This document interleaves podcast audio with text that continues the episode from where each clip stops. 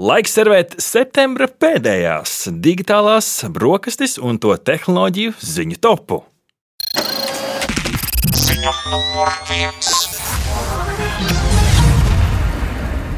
Pirmajā vietā šorīt digitālajās brokastīs kā reiz par mākslīgo intelektu un tā chatbotiem, jo OpenAI ir atkal kaut ko jaunu pievienojis tā ChatGPT chatbotam, šoreiz maksas versijai, konkrēti divas jaunas lietas - saziņa ar balsi un spēja apstrādāt cilvēka padotus attēlus sarežģītākiem jautājumiem. Iespējams, jau speech to text un text to speech kopumā tehnoloģija pasaulē vairs nav nekāds jaunums, taču Rihard, konkrēti chat GPT, šis varētu būt tāds būtisks pavērsiens, kas tam rod iespējams jaunas pielietojumus. Nu, līdzīgi kā tajā filmā, šis nosaukums bija Her, jeb viņa latviešu, kur viens kungs kādreiz tieši bija uztaisījis operētāju sistēmu, sievieti, ar ko viņš veidoja nu, tādas interesantas attiecības, tāda attiecību dinamika, vai kaut kas līdzīgs gaidāms arī šeit? Iespējams, jo chat GPT ir šie moduļi ir iestrādāti, kas kādreiz precīzi saprot, ko cilvēks saka, ja pārvērš runāto tekstā, un attiecīgi savus tekstuālās atbildes tas spēja izrunāt, ja nemaldos, pat līdz sešiem dažādiem balsu variantiem. Tā kā var arī savai, eh, savai sirsniņai atrast eh, tuvāko balsu frekvenci. Otra lieta, kas ir interesanti, ja līdz šim savus jautājumus Trihard varēja prasīt, nu, eh, uzraksti man lūdzu kādu smieklīgu joku, tad iespējams šobrīd tu varēsi pievienot sava mājdzīvnieku fotografiju un uzrakstīt uzraksti kādu smieklīgu joku par manu māju dzīvnieku. Viņš apskatīsies uz bildi, sapratīs, ka tas ir suns un uzrakstīs kādu joku par suni. Nu, tāds primitīvs piemērs, bet tam noteikti ir daudz arī tādi sarežģītāki risinājumi. Un treškārt, kas ir interesanti, es gan nu, šis nešķiet kā jaunums, bet tomēr uh, ChatGPT kopā ar Bing internetu, internetu pārlūku, zinu, ka tas laikam ir veids, kā tu uh, praktizē uh, chatbot pielietojums. Uh, šo informāciju jau reāli laikā spējas uh, teikt, makšķerēt no interneta. Nebūs būs tas slieksnis, kas bija iepriekš 2021. gads. Kurš, tavuprāt, ir būtiskākais pavērsiens šeit, kas nu, varētu varbūt radīt jaunus pielietojumus chatbotam? Nu, es ļoti ceru uz tādu gan iespaidīgu attēlu uh, apstrādes iespēju. Jo, nu, es labprāt iedotu, piemēram, kādu datu tabulu vai kādu attēlu, lai, lai kā saka, uh, pāanalizē šis, uh, šis chatbots. Un, un, protams, arī uh, varbūt, ka, nezinu, piemēram, kādiem mākslas studentiem varētu būt interesanti, ka viņi iedod chatbotam uh, kādu gleznu, un viņš uzreiz, kā saka, par šo gleznu arī kaut ko interesantu var pastāstīt. Um, tas arī būtu tāds interesants uh, pielietojums līdz pat, uh, es nezinu, iespējams, pat kādu filmu varētu šim chatbotam iedot, ja būtu iespēja apstrādāt video attēlu, bet tas laikam jau ir nākotnē. Tu jau runā par multimediju. Man ka bija arī reizes viens ziņu virsraksts par, uh, par Spotify sadarbību. Uh... Tieši tā, jā. Uh, tiešām nesen ziņu virsrakstos lasījām, ka Spotify sadarbosies ar OpenAI, lai podkāstus tulkot citās valodās, tajā pašā laikā saglabājot runātāju oriģinālo balss skanējumu, tas, manuprāt, ir ļoti interesanti. Nu, Ķīna saturies, tava ikdienas tehnoloģija ziņu deva Šūcī Cao Chan tuvojas. Ziņa numur divi.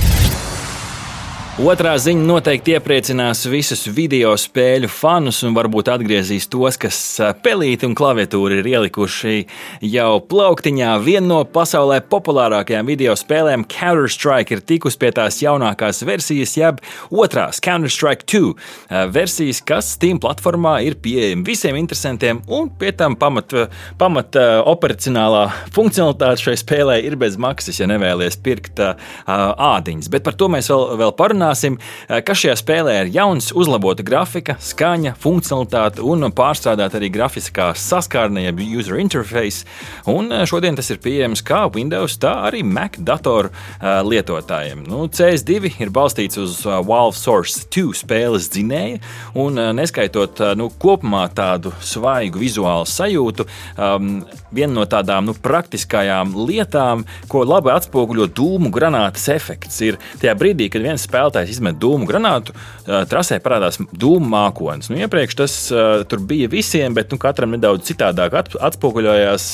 Tas nebija sinhronizēts starp visiem spēlētājiem. Nu, šobrīd tā vienkārši runājot, ja kāds izmet dūmu granātu, tad dūmu visiem izskatās vienādi.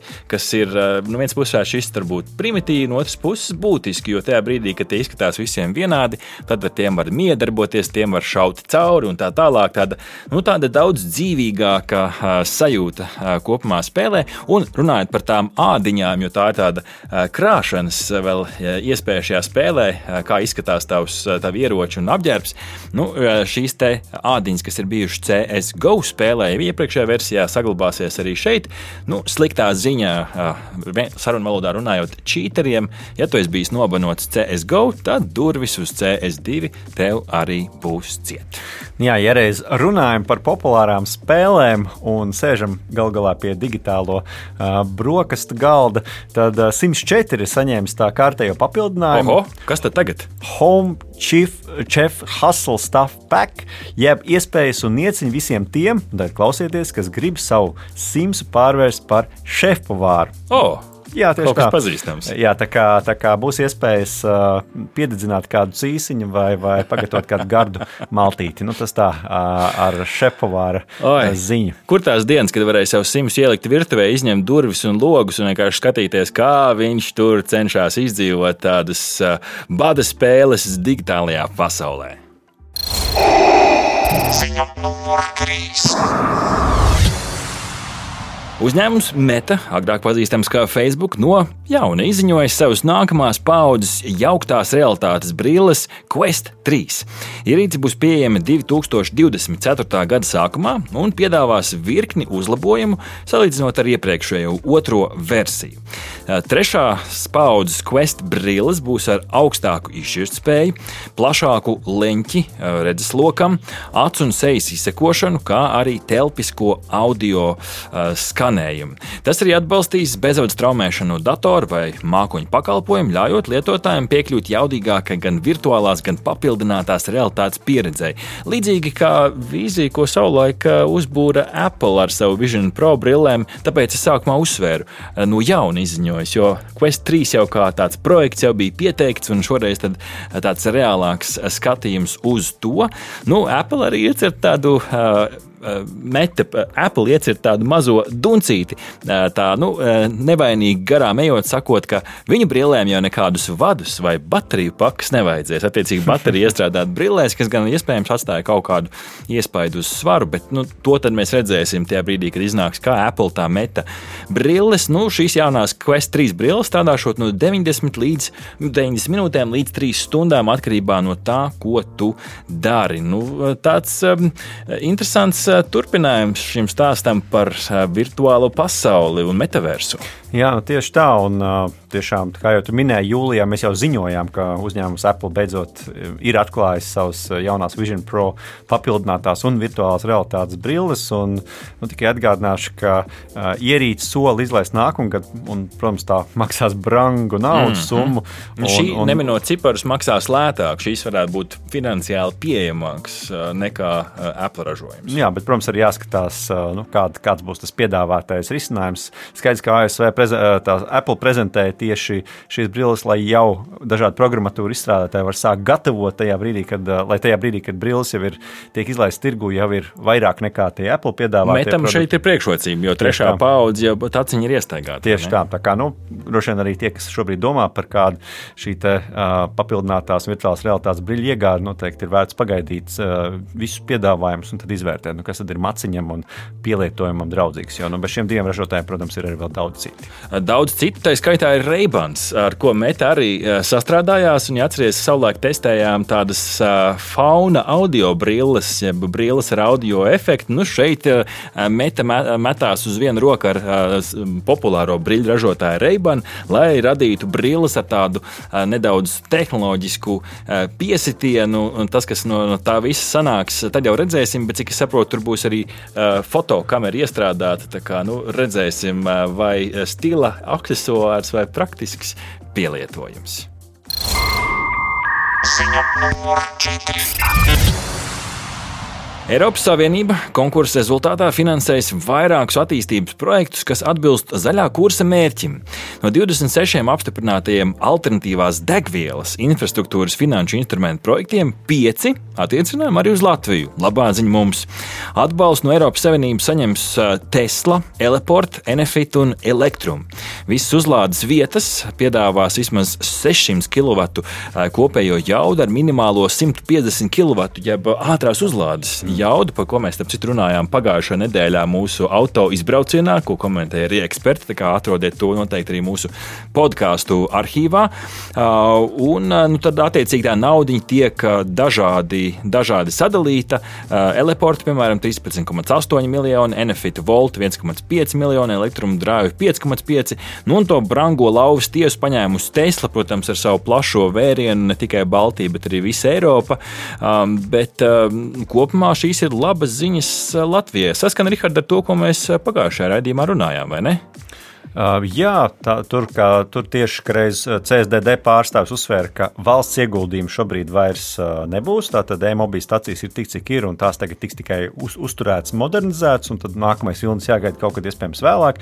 Bet savukārt dažādi privātie vai um, lielie valsts uh, uzņēmumi, tur gan tā attīstība notiek, un šis ir tikai apliecinājums tam, ka uh, tās būs papildus investīcijas, un, kas ir svarīgi, būs pieejama šī ātrā uzlāde. Jo, kā oh, mēs zinām, būtiski. E-mobīļu stacijas nodrošina to nu, minimālo tīklu, lai ja gadījumā kaut kur tā baterija beidzas, mums ir iespēja tomēr varbūt lēnām, bet to mašīnu uzlādēt, lai varētu turpināt braucienu. Tad šeit jau mēs runājam par tiešām ļoti ātru uzlādi, un te jau vairāk jāskatās, vai jūsu elektroautorāts ir gatavs tik daudz to jaudu. Parasti jau tie jaunie vismaz to 150 paņem, bet nu, kā reiz tieši šobrīd mēs digitālajās brokastīs testējam vienu elektroautorātu, par ko mēs pastāstīsim tuvākajos mēnešos arī jums.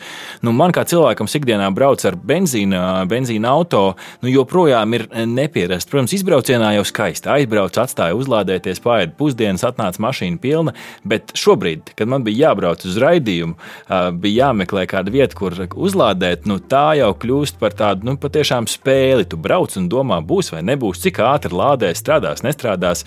Nu, es ļoti ceru, ka šie projekti atrisinās visas šīs bažas un kādu dienu tā pieredze būs nu, kaut vai tik tuvu uh, benzīna uzlā, uzpildē, kā, uh, kā arī elektro, lai tas būtu līdzvērtīgi. Jo tad man šķiet, ka nu, ir vēl kāds arguments, kāpēc neizvēlēties elektroautorātu. Nu, ļoti maz viņi paliek, vai ne? Ziņa numur 5. Digitāla brokastu tehnoloģija ziņu topā piektajā vietā mums ir stāsts par mobilo datu patēriņu. Un šoreiz, lai nedaudz atsvaidzinātu mūsu audio skanējumu, pieaicinājām vienu no digitālo brokastu draugiem, LSM.CLV autoru Mareku Matisonu, pastāstīt par jaunumu, kas ir saistīts ar to, cik daudz datus mēs patērējam šeit, Latvijā. Klausāmies! Esiet sveicināti, draugi, radio! Par pozitīvo ziņu, kas saistās ar lielu datu patēriņu Latvijā un iespējams vienu no lielākajiem pasaulē, un pilnīgi noteikti vienu no top vietām Baltijā un Ziemeļvalstīs. Pagājušajā nedēļā dienas gaismā nāca kārtējais sabiedrisko pakalpojumu regulēšanas komisijas apkopotais pētījums – analīze, uzskaita, kura stāstīja, ka vidēji Latvijas iedzīvotājs mēnesī savā viedierīcē patērē vairāk nekā 49 gigabaitus interneta datu apjomā. Tā ir ļoti laba ziņa.